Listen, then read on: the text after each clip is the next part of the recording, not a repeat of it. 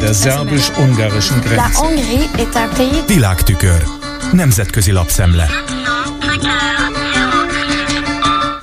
Köszöntöm a hallgatókat! A német Die még a tegnap megkezdődött EU csúcs találkozó előtt arról írt, a magyar miniszterelnökre erős nyomás nehezedik az Unió részéről, hogy adja fel ellenkezését Ukrajna pótlólagos pénzügyi megsegítésével szemben, és hogy eközben az európai menekültügyi politikáról folyó vitában Orbán Viktor sokkal kevésbé szigetelődött el. Ez utóbbi állítását a cikk szerzője egyfelől arra alapozta, hogy a zárt határok politikáját újabban egyre több uniós állam érvényesíti, aminek a jegyében úgymond harmadik államok területére helyezik át a menekültügyi kérelmek elbírálását, valamint több erőforrást szánnak a határvédelemre.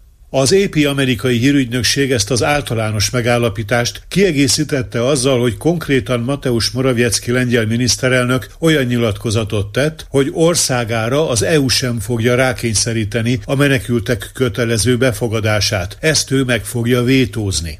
Támadás folyik Európa ellen. Európa határai nem biztosítottak. Földrészünk lakosainak a biztonsága forog kockán. Idézi az épi Moraviecki videónyilatkozatát, amelyben a kormányfő kilátásba helyezte, a határok biztonságát célzó tervet fog előterjeszteni az EU csúcs találkozón, amely aztán tegnap délután meg is kezdődött Brüsszelben. A hírügynökség a Newsmax amerikai hírtévé csatorna által is átvett beszámolójában ismerteti azt a tagállami miniszteri szinten a szükséges minősített többséggel már elfogadott kompromisszumot, hogy támogatást kell nyújtani a nagy migrációs nyomásnak kitett EU országoknak, vagy meghatározott számú menedékkérő átvételével, vagy személyenként 20 ezer euró befizetésével. Ezzel az alkuval szemben csak a lengyel és a magyar kormány képviselője szavazott, és a mostani EU csúcson e két ország kormányfője megkívánja kérdőjelezni ennek a döntésnek a jogszerűségét, emlékeztet az épi.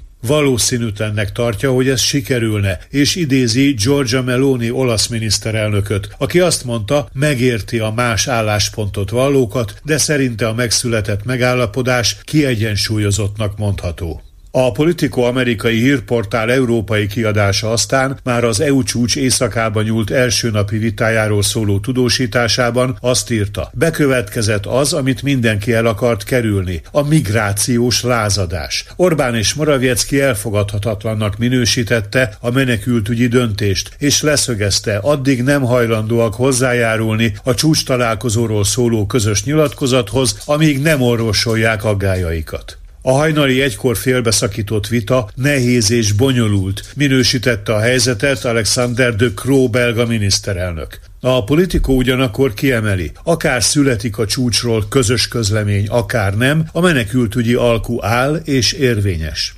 Szintén uniós vitatéma az ukrán csatlakozási törekvések ügye. Erről Lars Locker Rasmussen Dán külügyminiszter figyelemre méltó nyilatkozatot adott a londoni Financial Timesnak. Azt mondta, nem lenne helyes, ha a csatlakozási feltételeket illetően Ukrajna esetében lejjebb engednék a lécet. Az EU, fogalmazott Rasmussen, importálná az instabilitást, ha engedne a demokratikus és a korrupció ellenes követelményekből Ukrajna vagy bármely más ország csatlakozásának meggyorsítása érdekében. Szerinte a geopolitikai körülményekkel nem lenne igazolható, ha átsiklanának a csatlakozni óhajtó országok szükséges kormányzati reformjai fölött.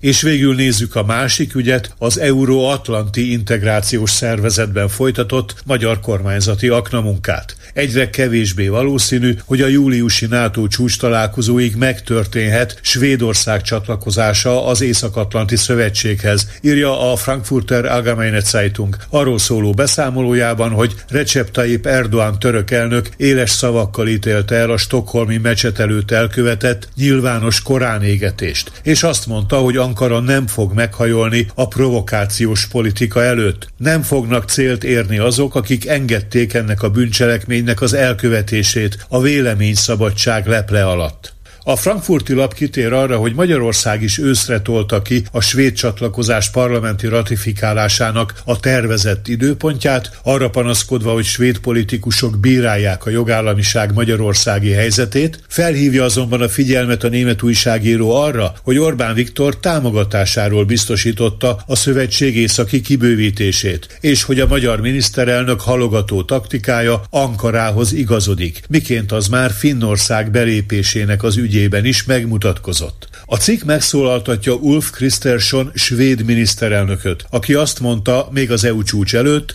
hogy beszélni akar Orbánnal, és hogy ő erről a halasztásról egyelőre csak a sajtóból értesült.